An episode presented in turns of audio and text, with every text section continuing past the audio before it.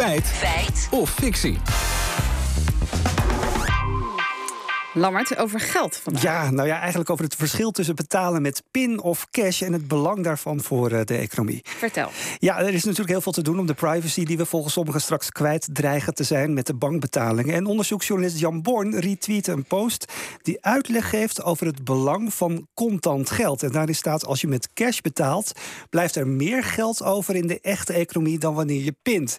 En dat zit dan zo: als je bijvoorbeeld met een briefje voor 50 betaalt, dan wordt dat briefje van 50 is heel weer gebruikt door anderen om daar ook mee te betalen. En zo blijft dat allemaal echt in de echte economie. En als je 50 euro met de pin afrekent, dan gaan er hoge bankkosten vanaf en blijft er uiteindelijk minder geld over in ik echte er wel economie. van. Want ik betaal bijna nooit meer cash. Dus ik Nee. denk, nou, dan zit ik allemaal extra geld eh, te creëren Ja, op precies. die manier. Nou, ik, te ik- laten verdwijnen. Ik sloeg er ook op aan, dus we zijn het uitgezoeken of het klopt. En daarvoor belden we eerst met eh, Casper de Vries. Hij is hoogleraar monetaire economie aan de Erasmus Universiteit. En hij vertelde me dat zijn uitspraak over het belang van cash deels juist is. Het is op zich juist, maar eh, de reden is een hele andere.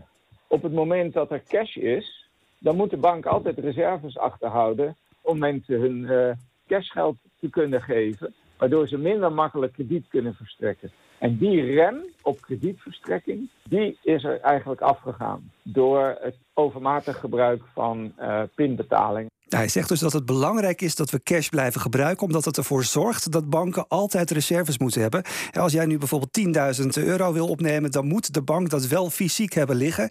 En daardoor kunnen banken niet zomaar al hun geld uitlenen. Dus cash in omloop houden blijft Precies. altijd een goed idee. Maar in de tweet stond ook iets dat je beter niet kan pinnen... omdat daar transactiekosten bij komen kijken. Klopt, inderdaad. Maar ook contant geld komt niet zonder extra kosten, zegt de Vries. Daar is het denk ik het verhaal wel wat anders, omdat er ook aan het eh, contant betalen eh, kosten zijn. Zowel voor de bank, omdat ze dan eh, papiergeld achter moeten houden.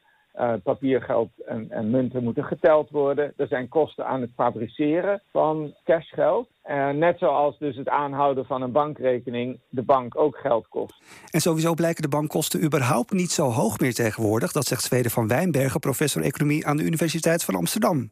Bankkosten van betalingsverkeer zijn heel laag. En dat wordt ook steeds meer buiten de banken omgedaan, omdat er veel van die nieuwe fintech-bedrijven zijn die betalingsverkeer doen. Maar dat is eigenlijk verwaarloosbaar, kosten van betalingsverkeer. Het is heel erg laag. Vroeger waren ze relatief hoog, omdat de banken monopoliepositie hadden. En die, eh, die, die hielden, daar bleven er drie dagen op zitten, berekende hoge kosten. Maar tegenwoordig is er veel meer concurrentie. Ja, en Van Wijnbergen legt daarna nog even uit dat het eigenlijk sowieso niet kan dat door het betalen met het PIN, eh, PIN eh, geld van, eh, verdwijnt uit de echte economie. Want onze acties hebben daar namelijk helemaal geen invloed op. Geldhoeveelheid wordt bepaald door centrale banken en niet door wat wij met dat geld doen. Dus dat, is gewoon iets wat op de balans van de centrale bank staat en die bepaalt dat. Kijk, wat wij als geld gebruiken is eigenlijk een schuldbewijs van de centrale bank. Vroeger betaalden ze daar geen rente op en dan was het, kon je kiezen of dat cash was. Kunnen ook eh, bankdeposito's zijn. Als jij digitaal betaalt, dan wordt er iets van deposito van de ene bank naar deposito van de andere bank overgemaakt, maar het verdwijnt niet. Oké, dus vertel, hoe zit het nou precies? Is het feit of fictie? Nou, nou, het is fictie. Het is niet zo dat pintransacties invloed hebben op hoeveel geld er in omloop is. Het ge- geld verplaatst zich alleen van bank A naar bank B.